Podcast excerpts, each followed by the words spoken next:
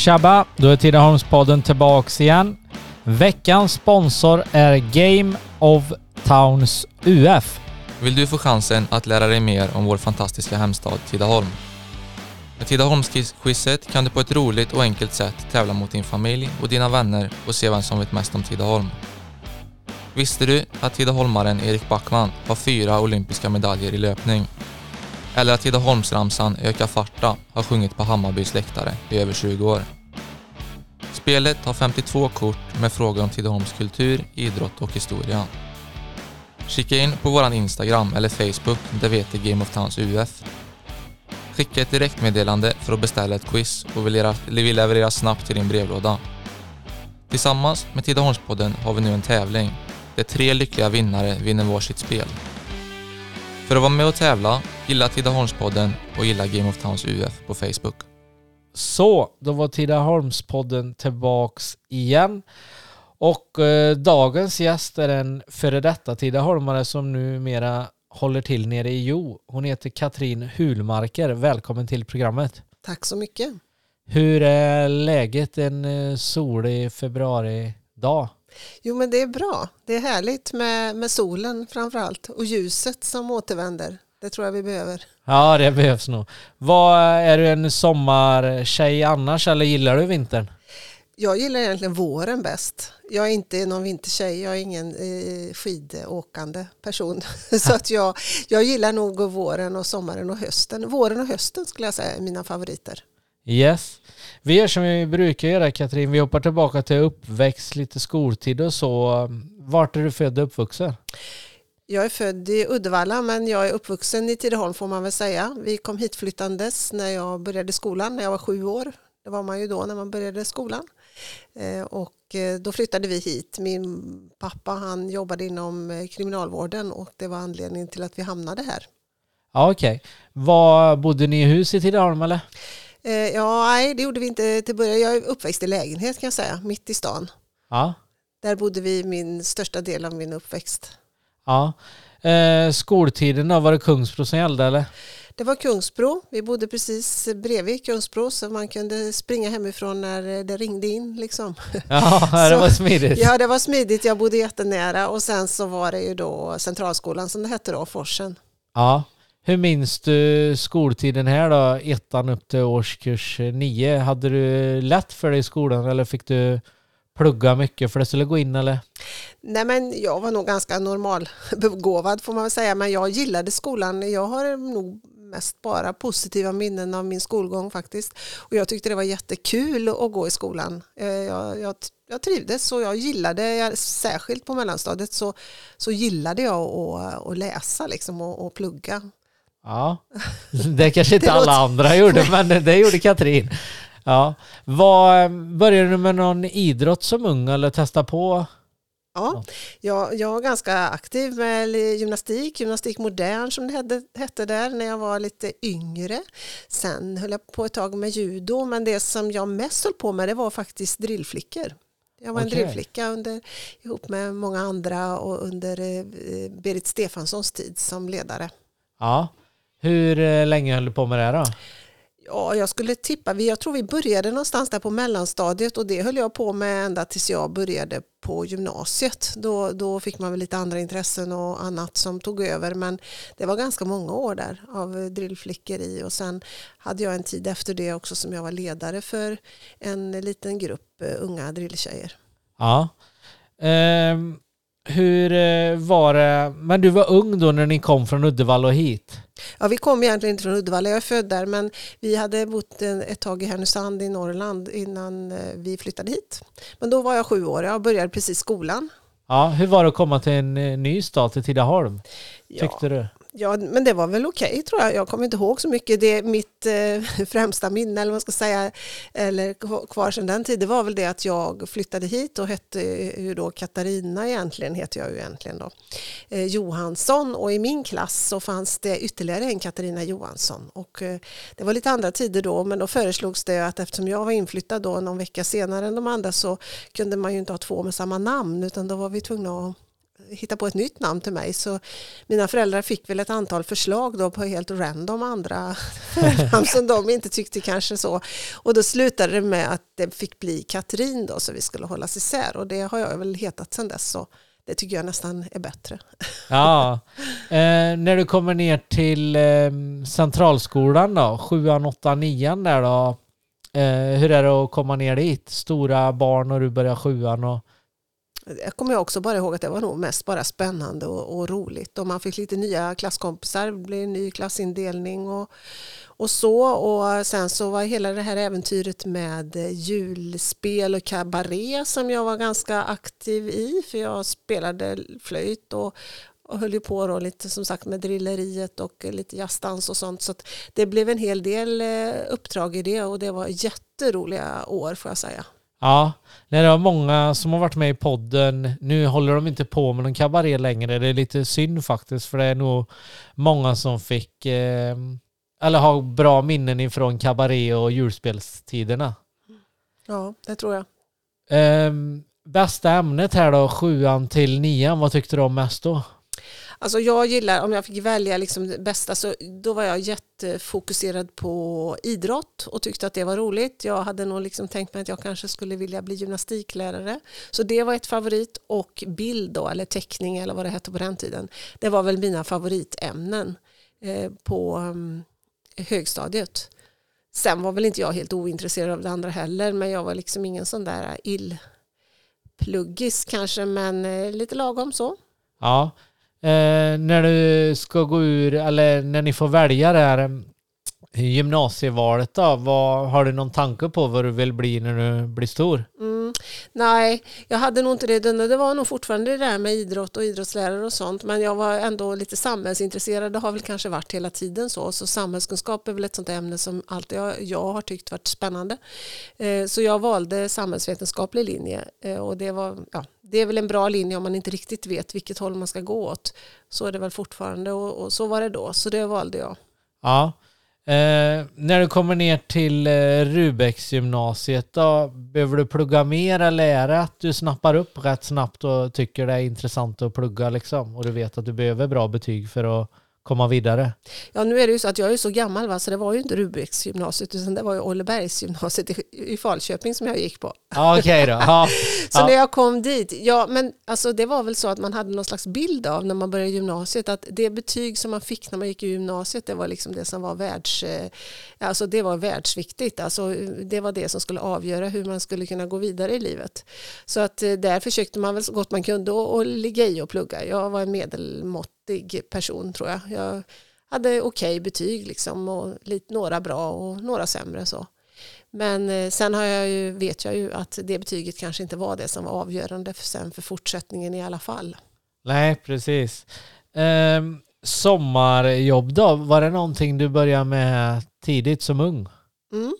Det gjorde jag faktiskt. Jag började tidigt inom, eh, direkt egentligen efter nian så halkade jag lite in på, på restaurang. Jag jobbade på hotellet, i disken på hotellet. Det kan ju låta ganska eh, ja, tråkigt kanske men det tyckte jag var jättekul. Det var jätteroligt att komma in i ett sammanhang och arbeta. Och, så där jobbade jag någon sommar eller ja, kanske några och sen så halkade jag över lite på turistbyrån här i Tidaholm och jobbade med den lite och även på, i semesterbyn i receptionen.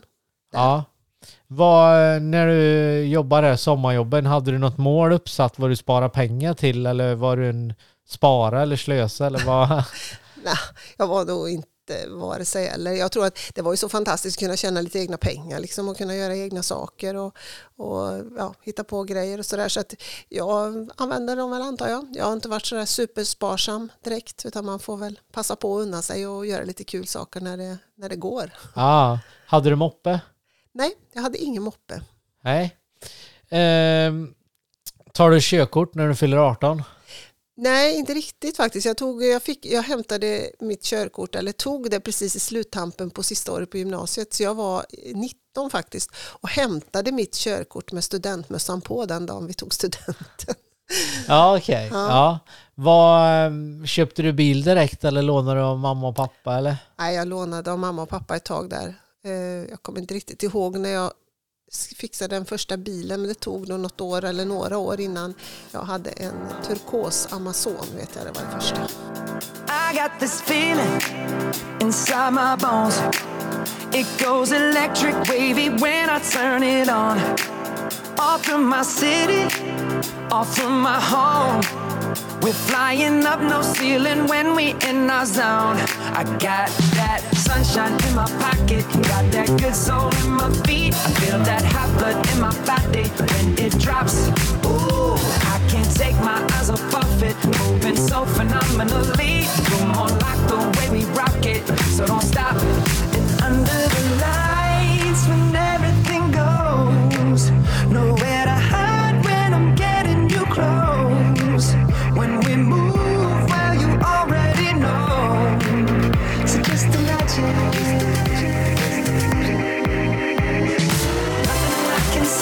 when you dance, dance, dance. Feel good, good creeping up on you. So just dance, dance, dance. Come on. All those things I shouldn't do, but you dance, dance, dance.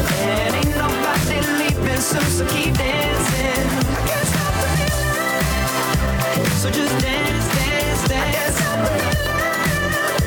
So just dance, dance, dance. Come on. Ooh, it's something magical. It's in the in my blood, is rushing on. I don't need no reason, don't need control. I fly so high, no ceiling when I'm in my zone. Cause I got that sunshine in my pocket, got that good soul in my feet. I feel that hot blood in my body when it drops.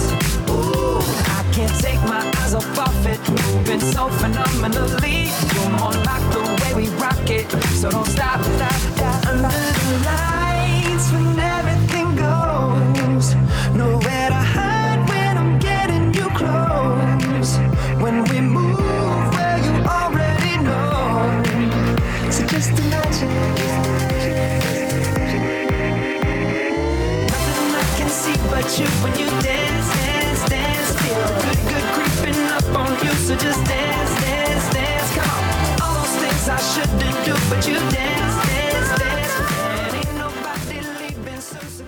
Så, eh, efter gymnasiet Katrina, hur går eh, tankarna då? Vet du fortfarande inte vad du vill bli eller är det idrottslärare än eller har du svängt bana?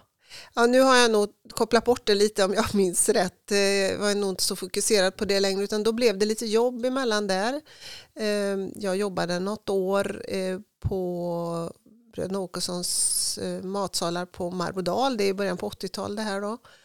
Och sen så läs, började jag läsa lite igen ekonomi eh, i Skövde, någon slags eh, eftergymnasial utbildning som inte var högskola men ändå inte gymnasie.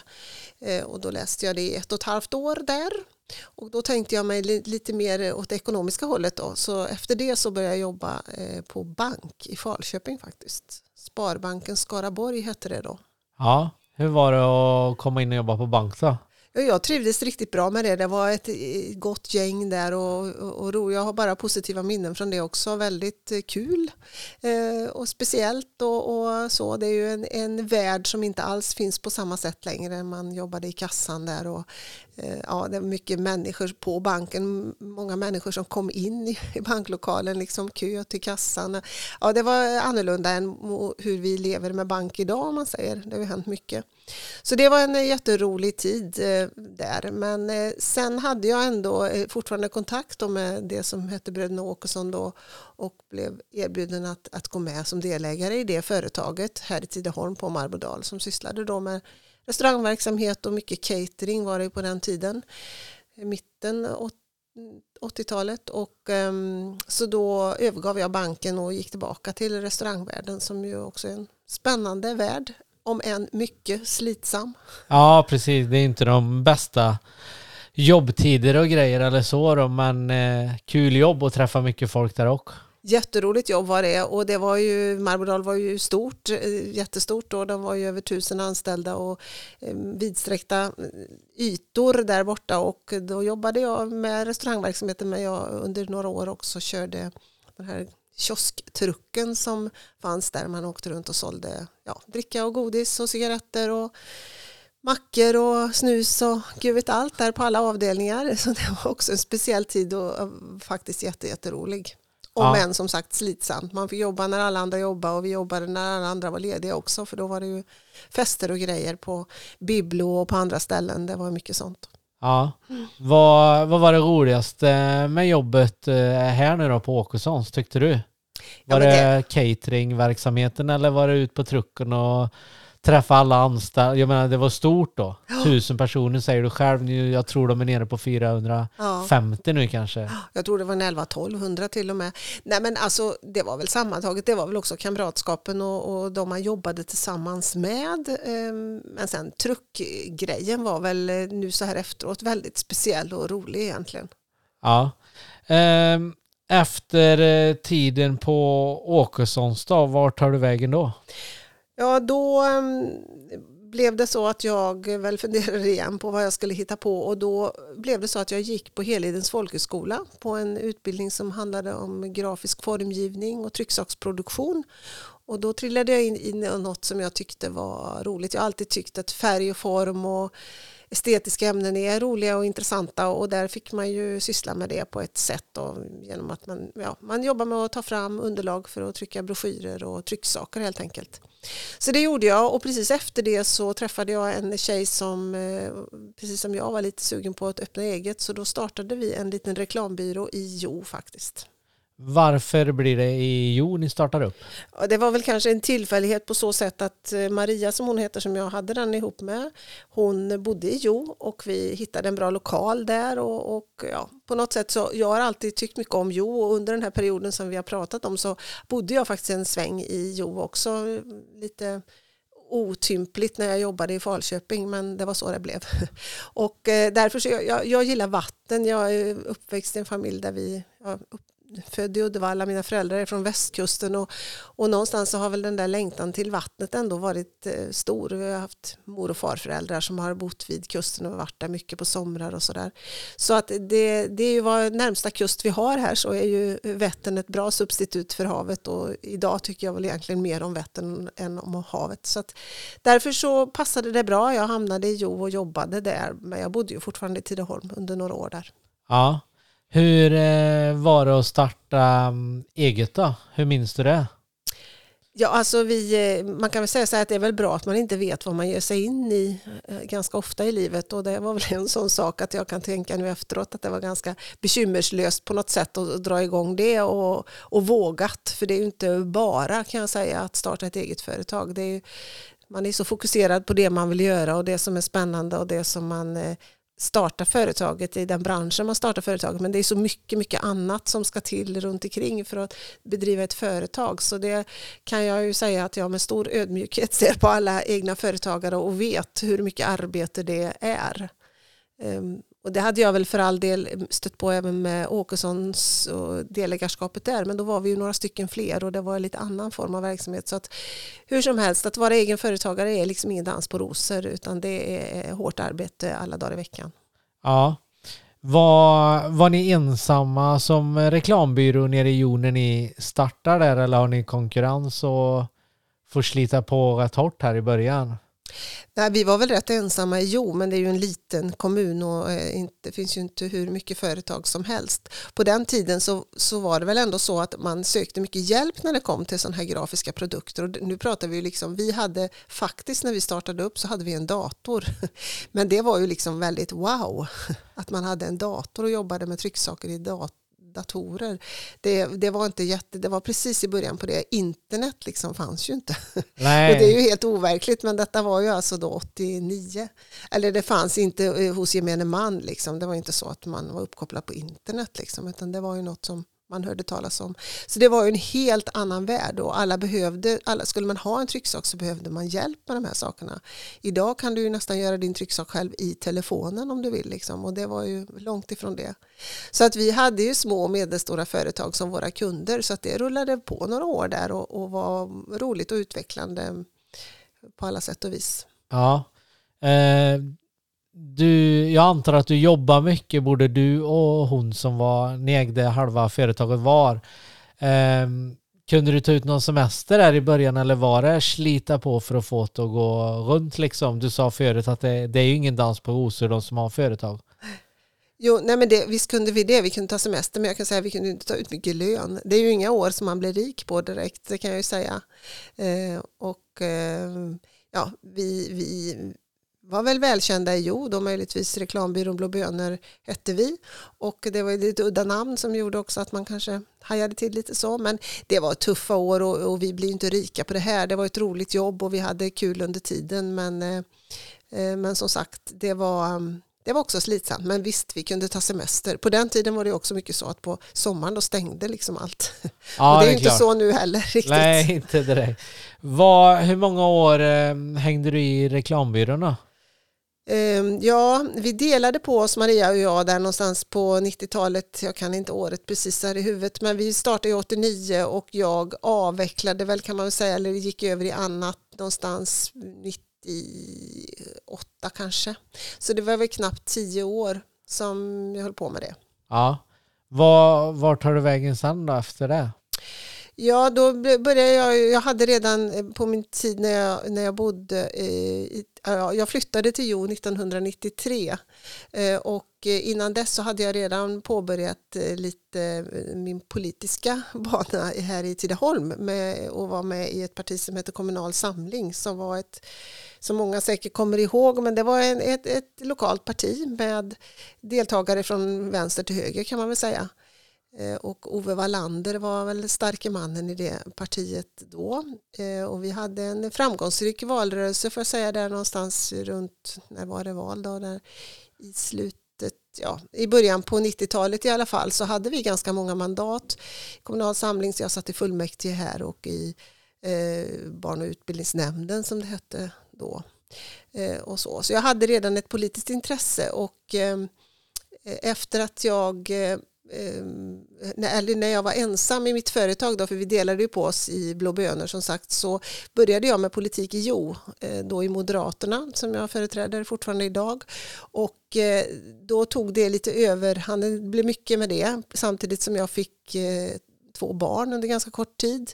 Så att jag avvecklade mitt företag och påbörjade studier istället och tänkte mig ytterligare en annan bana och läste socialpsykologi i Skövde, ett treårigt program Eh, för att det är ett område som fortfarande intresserar mig mycket och eh, där man får jobba med socialt utsatta grupper och inom den sfären. Då. Så att det började jag med eh, samtidigt som jag som sagt hade politiska uppdrag till 50 procent ungefär i Jo. Ja. Eh, vad var anledningen till att du gick in i politiken från första början eller har det med att du är intresserad av samhället och i stort eller varför? Eller har det med någon i familjen, mamma och pappa att göra eller hur kom du in på det? Nej, det kan jag säga att jag har ingen sån tradition i vår familj. Ganska ja, inga politiskt aktiva direkt i, där utan det är väl mer att jag hade ett, eh, har ett samhälls och hade ett samhällsintresse och jag hade några eh, bekanta som var engagerade i kommunal samling eh, här i Tidaholm då. Så det var så jag halkade in på det där och då hade jag ju liksom provat på det lite grann. Och sen när jag flyttade ner till Jo eh, när jag träffade min man då som eh, 1993 så lärde jag känna lite nya människor såklart och då, då blev det egentligen så att jag halkade in där på ett bananskal och blev eh, med i Moderaterna i Jo och, eh, och sen har det ena gett det andra kan jag väl säga. Ja, eh, men börjar du här nu som heltidspolitiker eller hur mycket jobb blir det efter reklamföretaget? Ja, efter reklamföretaget så kan vi säga det, det blir alltid överlappar ju varandra i livet. Det är inte så från en dag till annan direkt att man, men, men hur som helst så fick jag ett ganska tungt uppdrag direkt och jag sa det tidigare att ibland så tar man ju sig an saker som man inte riktigt vet innan hur svåra de är och det kanske är tur. Ja. och då fick jag ett uppdrag som ordförande i det som hette barn och utbildningsnämnd i Jo kommun och då på den tiden så var det en ganska bred nämnd. Det var ju grundskola och och eh, förskola och grundskola och komvux men även kultur och fritid och individ och familjeomsorg så det var ju ett, i princip halva kommunens verksamhet och budget låg i den nämnden. Så det var ett ganska stort uppdrag egentligen som jag tog mig an där och eh, det rullade på så det uppdraget hade jag i sju år sedan och då, därför så kunde jag parallellt med det då läsa eh, lite grann då och få två barn. Ja. Um, hur minns du det då att få barn och jag antar du jobbar ju heltid här då? Mm. Får ni ihop livet? Ja, vi får ihop livet faktiskt. Det, det gick väldigt bra tyckte jag ändå Eh, den tiden. Det är en positiv tid och, och jag tror att när man ska syssla med politik så man måste kunna ha ett liv också. Jag tror inte att vi kommer att få några framtida politiker om man inte kan ha ett familjeliv och ett liv vid sidan om eller ihop med det för att det, det måste gå att kombinera och jag tycker att det har gått bra och jag har en man som ställer upp på, på det och gör lika mycket som jag i, i, så att säga, i vårt familjeliv. Så att det har gått att råda runt. Och med lite hjälp såklart av far och morföräldrar så, så fixar man det mesta. You know that some things were just always meant to be Don't ask the other girls Don't ask the other guys Sometimes I wonder if you're ever gonna see I'm not like the other girls. You're not like the other guys. I tell you I want you, but you don't listen to me. I guess all I can do is whisper in your ear. Ooh, your kisses taste so sweet. Can't resist it. Stay with me and promise not to wake me if it's all part of a dream.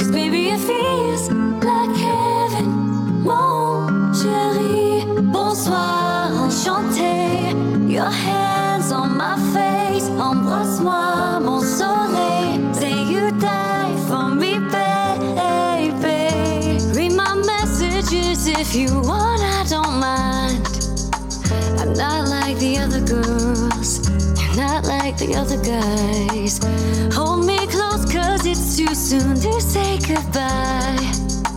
You're some kind of beautiful, and you got me in the sky. I tell you I want you, but you don't listen to me. I guess I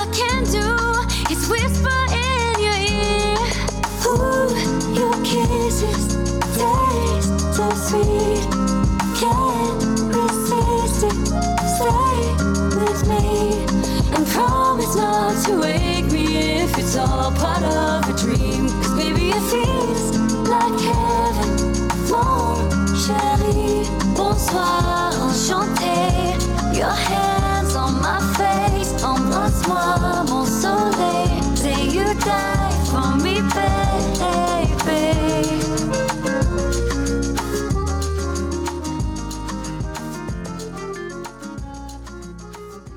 Sju år där som deltidspolitiker då, känner du att eh, du antar att du trivs med jobbet och tycker det är lärorikt och alltihopa. Känner du att det är rätt bana nu är du inne på då?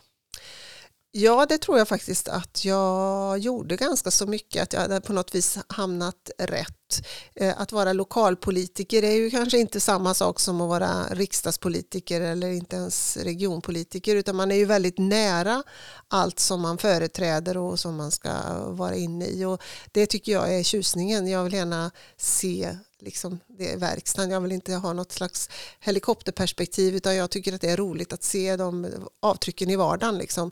Så därför så, så trivdes jag gott med det. Så eh, sju år som ordförande i barn och utbildningsnämnden var spännande och roliga och jag fick ju även delta i andra fora som budgetberedning och sånt som är lite centralt i en kommun.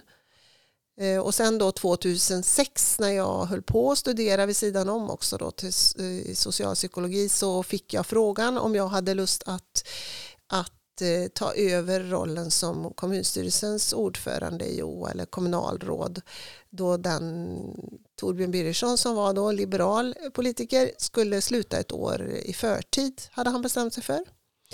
Och det känns väl som ett sånt där erbjudande som man inte bör tacka nej till om man är intresserad av att fortsätta med politik. Så att jag tackade ja då, även fast mina barn var ganska små. De var tre och fyra eller något sånt där.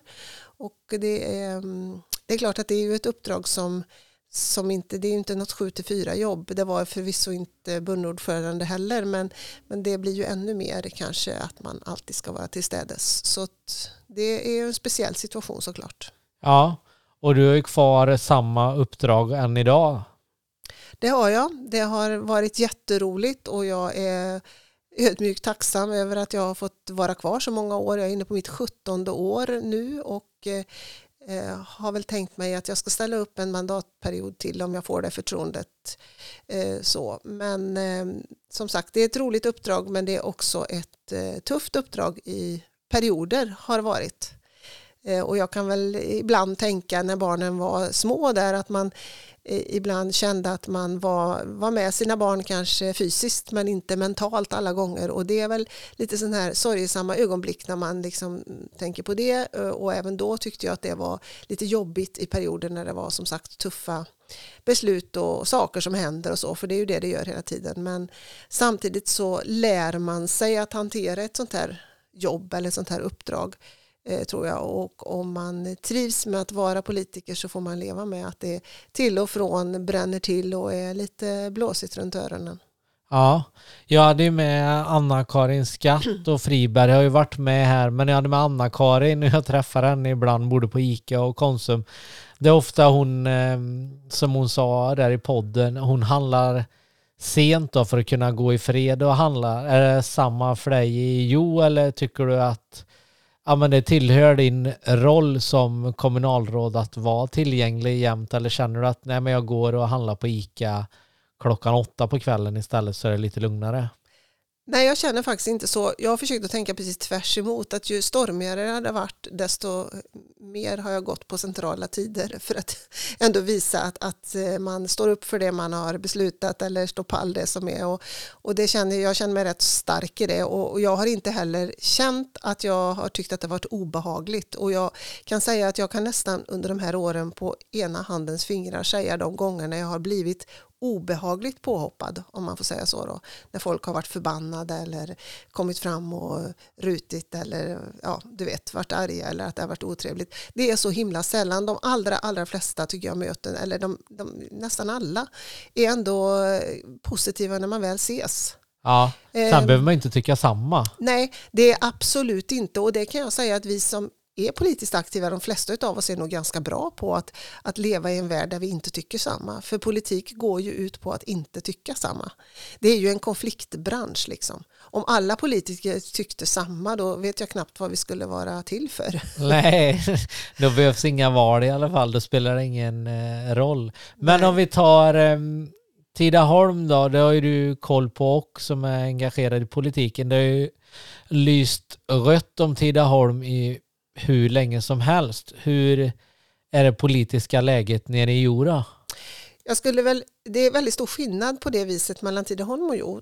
För att eh, Jo har nog varit mer traditionellt borgerligt om man kan uttrycka det så. Och vi har ju haft ett allianssamarbete, alltså då tänker jag den traditionella eh, alliansen som har funnits sedan Reinfeldt-tiden eller eh, Maud Olofsson och, och de här med KD, Liberalerna, Centern och Moderaterna. Den alliansen är stark i Jo kommun. Vi har ett jättegott samarbete och har haft nu under alla år som jag har varit KSO och även under den perioden innan kan man väl säga. Så vi fyra partier, även om Moderaterna som jag företräder då är absolut störst. Eh, vi har elva mandat och vi är ju mycket, mycket större än de andra tre ihop. Men vi har ändå en, ett gott samarbete för att vi jobbar lite efter tesen att är man stor så får man vara, eller stor och stark så får man vara snäll också. Och vi, vi delar med oss så att vi kan tillsammans få ihop ett bra lag som, som styr Jo. Då. Ja, Kommer ni fortsätta med samarbetet och gå till val här nu hösten 2022? Det är min förhoppning och det är väl det vi planerar och jag har inte hört något annat utan vi försöker nog att, att hänga ihop detta för att eh, ingen av oss är ju så starka även om Moderaterna jo är det största partiet och större än Socialdemokraterna så finns det ju i dagsläget inte något parti som jag tror tror ska få egen majoritet utan vi behöver samarbeta. Och sen ska jag ju tillägga att vi har ett väldigt gott samarbete även med våra oppositionspartier. Det är ju Socialdemokraterna och Sverigedemokraterna i ju Vänstern och Miljöpartiet har ingen representation i vår kommun för tillfället. Vilket ju naturligtvis är synd, för jag tror på att det är bra om det finns många partier, för det är bra för demokratin. Men eh, vi har ett gott samarbete över alla gränser egentligen när det gäller de största och viktigaste frågorna eh, som är viktiga för Jo för att Jo ska utvecklas i positiv riktning. Ja, men om du kollar då, du sa ju att du var med här i Tidaholm eh, politiskt. Om du jämför Tidaholm och Jora, är det stor skillnad på hur kommunerna drivs, skulle du säga? Eller är det ändå mycket fokus på skola, äldreomsorg och LSS och de, den bitarna, är det liksom prio i en kommun eller vad är prio? Är det vägar eller vad? Nej, alltså det är ju så här med de allra, jag skulle säga alla kommuner, vi har ju några uppdrag som är, eller vi har ganska många uppdrag egentligen som, som måste fungera. Eh, vatten måste finnas i kranarna och det ska finnas el och det ska finnas gator och sånt. Men i grunden så är det ju det här vård, skola och omsorg som är våra stora och tunga delar i kommunerna och det delar vi med alla. Det är ju där vi lägger de allra mesta, flesta resurserna. Säkerligen en 90 procent eller i alla fall 85 procent av våra så att säga, resurser läggs ju på det och det är ju de också personaltunga områdena som eh, kräver väldigt mycket av oss och som är jätteviktiga. Att ta hand om det uppväxande släktet och ta hand om de som behöver vård och omsorg. Eh, och skapa förutsättningar för de som arbetar. För det är ju det förskolan bland annat gör. Att, att vi kan gå till arbete och att både män och kvinnor kan arbeta. Så vi, vi har ju en, en tung, så det delar vi nog lika. Sen finns det ju i alla kommuner olika kulturer och olika arbetssätt. Och där skiljer det sig säkert från den ena till den andra. Vi har valt i vår kommun en organisation till att börja med där vi har en väldigt platt organisation som gör att vi har lite snabbare beslutsgångar kanske. Vi har bara en nämnd, vi har en kommunstyrelse och under den så har vi ett antal utskott. Eh, och vi har bara en förvaltning Eh, som arbetar med olika sektorschefer. Då, så vi har inte olika nämnder och vi har inte olika förvaltningar. Och vi försöker att jobba ganska hårt med att prata tajt med varandra hela tiden. Det är fördelen med att vara en riktigt liten kommun, att man kan arbeta så. Vår, våra modell skulle ju inte fungera i en stor kommun. Nej, men eh, när du säger det att ni har plockat bort vissa eh, funktioner, eller plockat bort, men ni är, ja, men ni är en mindre kommun kan ni ha mindre anställda då? Skulle, skulle detta upplägget kunna funka i Tidaholm eller är Tidaholm för stort för det? Nej, Tidaholm är inte för stort, men det, det är framförallt så att vi har inte mindre anställda tror jag inte. Det, det kan vi inte ha, men jag tänker att vi har kortare beslutsvägar i vissa lägen, tänker jag. Och vi gick ifrån det här och det ska sägas, det gjordes, beslut togs av min företrädares eh, regering, men utav de som, eh, när jag var bundordförande då hade vi det här till beslut hur vi skulle organisera politiken och förvaltningen. Och då tillhörde jag de som inte var förespråkare för den här organisationen. Eh, men anledningen till att, att det ändå beslutades av fullmäktige att vi skulle arbeta så här, det var att man såg att vi fick liksom nämndspartier. Vi hade liksom en skol, eh, eller barn och utbildningsnämnd då, som jag företrädde då, som mest fokuserade på de frågorna och inte tog så mycket hänsyn till eh, andra, till omvårdnadsnämndens till exempel behov. Eh, och vi hade då en kommunstyrelse som inte hade riktigt helhetsperspektivet eftersom man inte behövde ta det ansvaret. Idag har vi ju ett upplägg som innebär att alla som sitter i de här utskotten, i barn och utbildningsutskottet till exempel, de sitter ju också i kommunstyrelsen. Så de kan, liksom inte, de kan inte driva bara sina frågor utan de måste ta ansvar för alla frågor. Och det ser väl vi ändå som att det har varit för oss en framgångsfaktor. För innan så var kommunstyrelsen lite uddlös eftersom de inte kunde bestämma över till exempel den nämnd jag företräder. Då. De kunde liksom inte på sätt och vis bestämma över barn och utbildningsnämnden eftersom de, de kunde hantera sina frågor på egen hand. Och det är just de där rågångarna som ibland kan bli stötestenar när kommunstyrelsen blir lite maktlös över till exempel en omvårdnadsnämnd då, som inte riktigt följer det som kommunstyrelsen tycker att man ska. Och det är ändå så att kommunstyrelsen är någonstans en kommuns regering och ska fullfölja det som kommunfullmäktige bestämmer. Och kommunfullmäktige är ju någonstans som en, en kommuns riksdag. Så ehm, det är nog fördelar och nackdelar med olika system och alla väljer sina sätt att arbeta på. Men för oss har det här varit en framgångsfaktor tänker jag, där vi har fått en gemensam bättre helhetssyn och ett gemensamt bättre ansvarstagande över helheten, eh, främst då utav de som sitter i kommunstyrelsen. Nackdelen är ju att det blir lite färre politiker. Och det är ju en av de saker som man ofta då anförs som en, en dålig sak med en sån här organisation. Ja. Vad det bästa med ditt jobb du har nu, Katrin, vad skulle du säga att det är? Ja, alltså jag gillar ju att träffa folk så det är ju det bästa med mitt jobb. De här covidåren har väl inte varit så kuliga kanske kan jag säga för att det har ju varit svårt att arbeta som politiker när man inte får träffa folk och sitta framför en eh, skärm och ha teamsmöten. Det kan jag säga, det är absolut inte det roligaste jag vet. Men just att träffa människor, att kunna vara nära verksamheten, att kunna vara nära det som man är med och och tar beslut kring. Och för min del så har det varit ett, ett fantastiskt roligt att få se att vara en del i utvecklingen av Jo kommun där jag tycker att, de, eh, att vi eh, tar ganska stora kliv framåt och är en eh, en kommun som, som växer och där vi precis nu i dagarna ska inviga ytterligare en skola. Eh, vi har satt ner foten, vi har fortfarande två ytterskolor, två ytternoder och, och vi har ytterligare en skola på gång nu då som vi ska inviga som känns som att det, det är verkligen ett bevis på att vi är en eh, expansiv kommun där, det, där vi har god tillväxt och där folk vill leva och verka och bo och det tycker jag att det är det roligaste att få med i sådana här beslut där vi ser att vi förmerar och förbättrar det som vi har som redan är bra men som kan bli hela tiden bättre. Ja. Är det många yngre som är med i politiken i Jo eller skulle du säga att medelåldern är 40 plus? Ja, det är absolut 40 plus. Det är nästan så att det är 40 plus skulle vara ungt. Precis, Aha, som, okay. precis som överallt annars tror jag. Så det är jättesvårt att få, få yngre att vilja engagera sig politiskt. Och det finns väl många delar i det. Jag tror att dels så är det tidsbrist och när man är mitt i livet och med eh, kanske barn i skol och förskoleålder och en annan karriär som man kanske ska jobba med och sådär så är det inte helt lätt och ta sig den tiden. Det tar mycket tid, det kräver en hel del. Sen är det tror jag många som också tycker att det är lite obehagligt. De tror kanske att de ska bli påhoppade, de kanske tror att man förväntar sig att kunna och veta allt och man, man kanske är lite rädd för att ta ställning liksom öppet och, och officiellt sådär kring saker och man tror att man alltid hela tiden måste ha en åsikt om allt och sådär. Så det tror jag också kan hindra en del. Eh, och det här är ju såklart inte bra. För att, för att kunna ha en demokrati så måste vi ha politiker. Och då duger det inte att vi liksom odlar det här politikerfraktet som jag tycker odlas av många. Utan att eh, jag tycker att är man inte nöjd med de politiker man har så är det ett, gå och rösta och två, så är det faktiskt att engagera sig själv.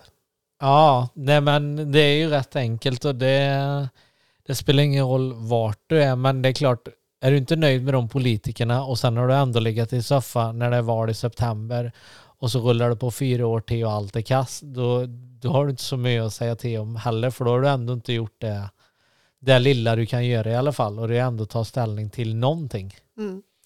Vad, vad, vad, tror du skulle locka in yngre i politiken oavsett om det är Tidaholm eller Jo eller Skövde Falköping? Är det just att ta hål på den bubblan att det kanske inte är så farligt och att alla är nya någon gång. Det är ett jobb som alla andra och man lär sig med tiden. Mm. Ja men det är ju så, det är ju ett förtroendeuppdrag och det, det, är ingen som förväntar sig att du ska kunna allt. Vi ska ju företräda våra eh, medborgare, det är ju liksom vårt jobb. Och kompetensen den finns ju hos alla de som är anställda i en kommunal verksamhet som om vi pratar lokalt. Då. Där har vi alla våra experter på allting, eh, ända ute på alla våra boenden och i skolan och i förvaltningen i övrigt. Så det är de som ska förse oss med bra beslutsunderlag. Det, vi ska ju inte vara proffs, vi som är politiker. Vi ska ju bara, vi ska ju bara vara människor och försöka odla vårt sunda förnuft och, och ta bra beslut. Beslut som är, så, eh, beslut som är liksom bra för så många som möjligt, skulle jag säga. Det är ju, det är ju så vi måste tänka. Det är inte, man kan inte tänka så enskilt och egoistiskt när man jobbar politiskt utan man måste tänka vad som är bäst för flest är ofta en bra grundregel tycker jag. Och sen försöka att ha ett sunt förnuft och, och förhålla sig cool även om det blir protester, för det blir det ju ibland. För det är också det man har politiken till, att ta de där besluten som ingen annan vill ta men som måste tas ibland. Ja.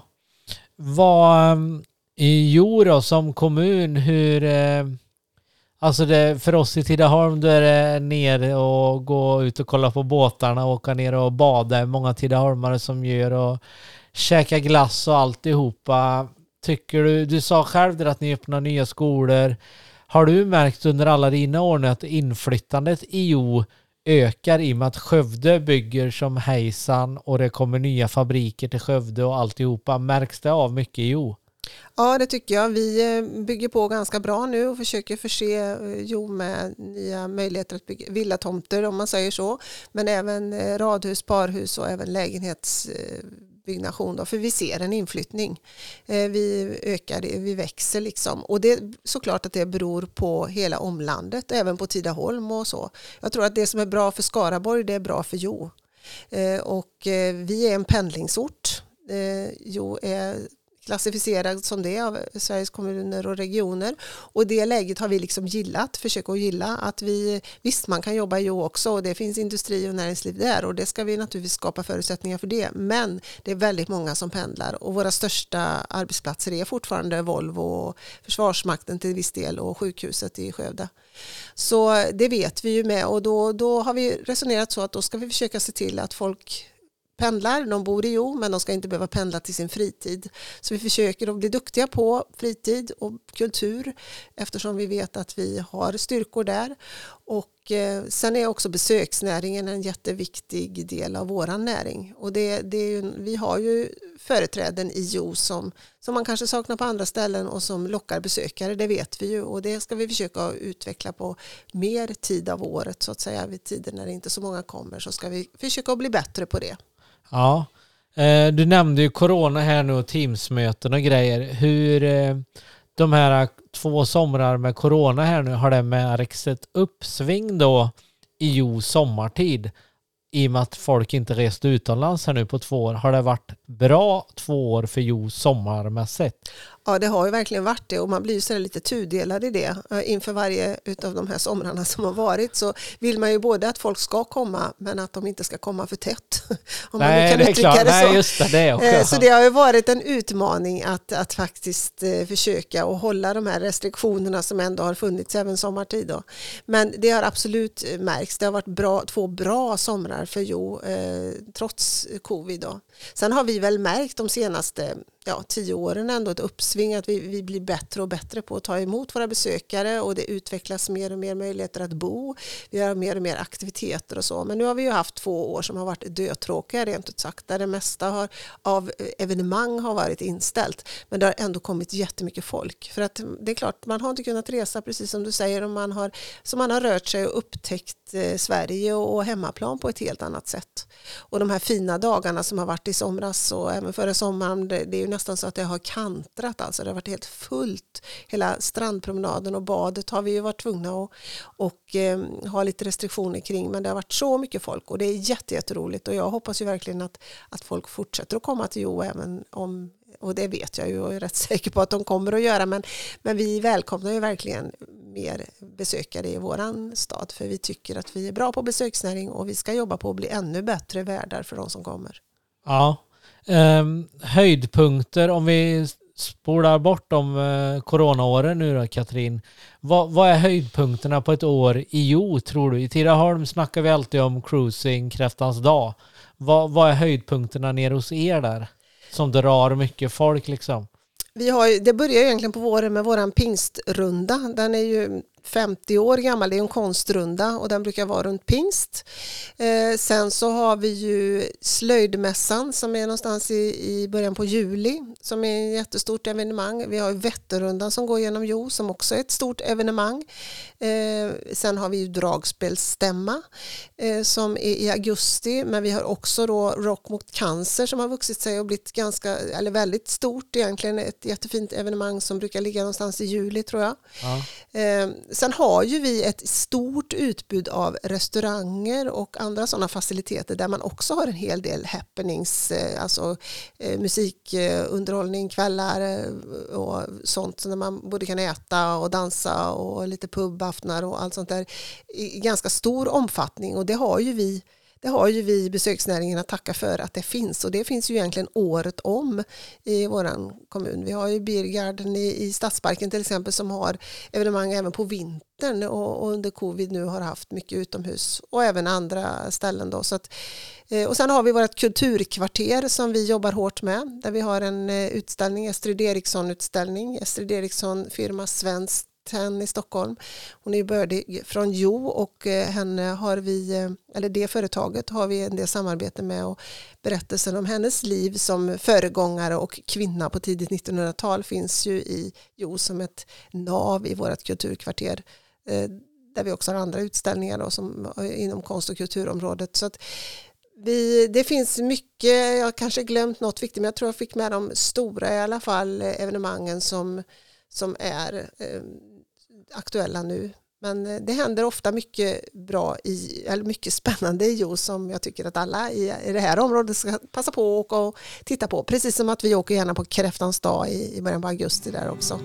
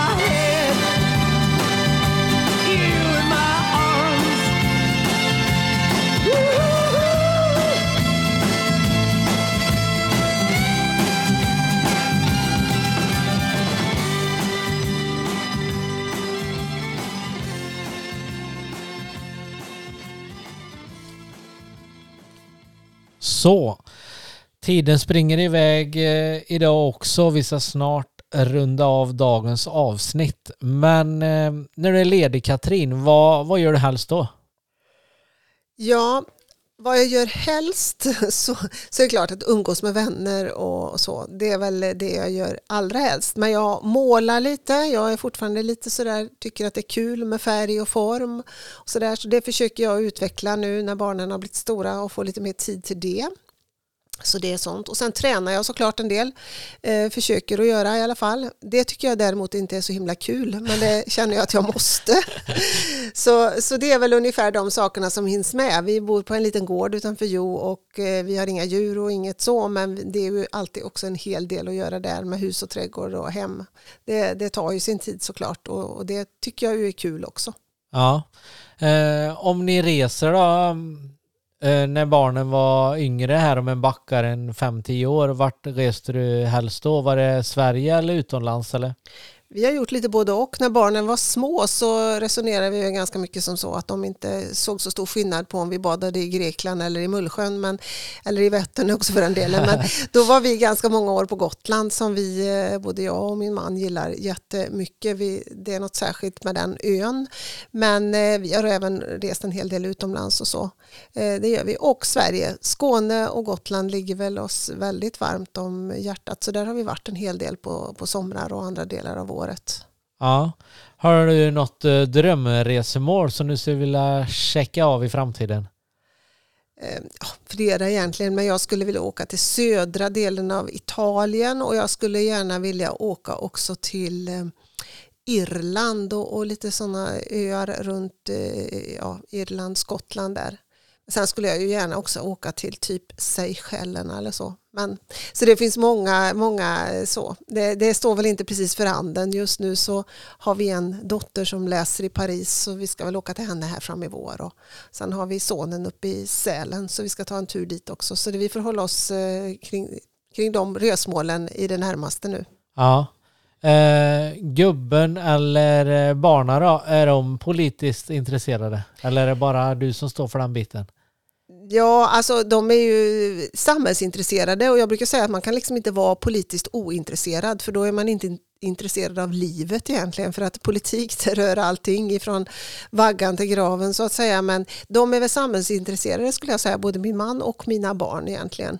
Eh, och jag har även två bonusbarn som eh, också är intresserade skulle jag tycka av, eh, säga av samhällsfrågor. Och, och då är man tycker jag på sätt och vis intresserad av politik. Men det är ju ingen som är, ingen som är aktiv så. Nej. Nej.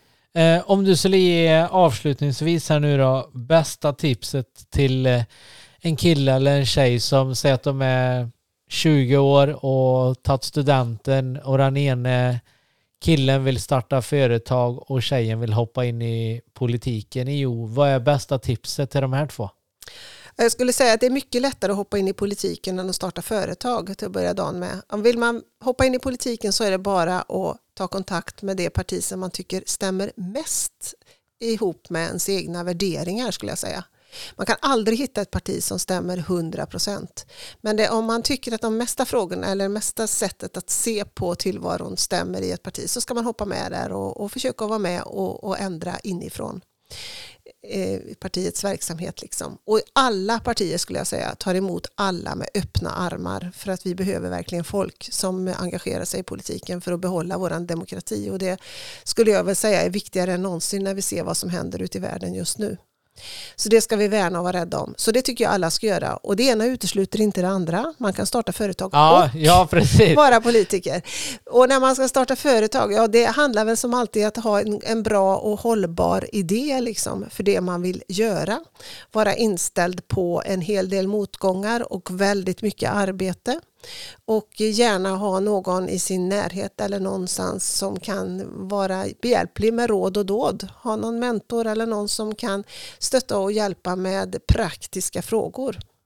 Ja, det får avsluta dagens intervju. Det har varit eh, riktigt kul att ha med dig i podden och så önskar jag en eh, riktigt trevlig vår här nu då först för dig. Jag väntar ju in sommaren då, men eh, en fin vår och så hoppas jag att eh, många lyssnare åker ner och besöker Jo framöver. Tack för att du kom till programmet. Tack för att jag fick komma och hjärtligt välkomna till Jo. Vill du få chansen att lära dig mer om vår fantastiska hemstad Tidaholm? Med Tidaholmsquizet kan du på ett roligt och enkelt sätt tävla mot din familj och dina vänner och se vem som vet mest om Tidaholm. Visste du att tidaholmaren Erik Backman har fyra olympiska medaljer i löpning? eller att Tidaholmsramsan Öka farta har sjungit på Hammarbys läktare i över 20 år. Spelet har 52 kort med frågor om Tidaholms kultur, idrott och historia. Kika in på våran Instagram eller Facebook där vi heter Game of Towns UF. Skicka ett direktmeddelande för att beställa ett quiz och vi levererar snabbt till din brevlåda. Tillsammans med Tidaholmspodden har vi nu en tävling där tre lyckliga vinnare vinner varsitt spel. För att vara med och tävla, gilla Tidaholmspodden och gilla Game of Towns UF på Facebook.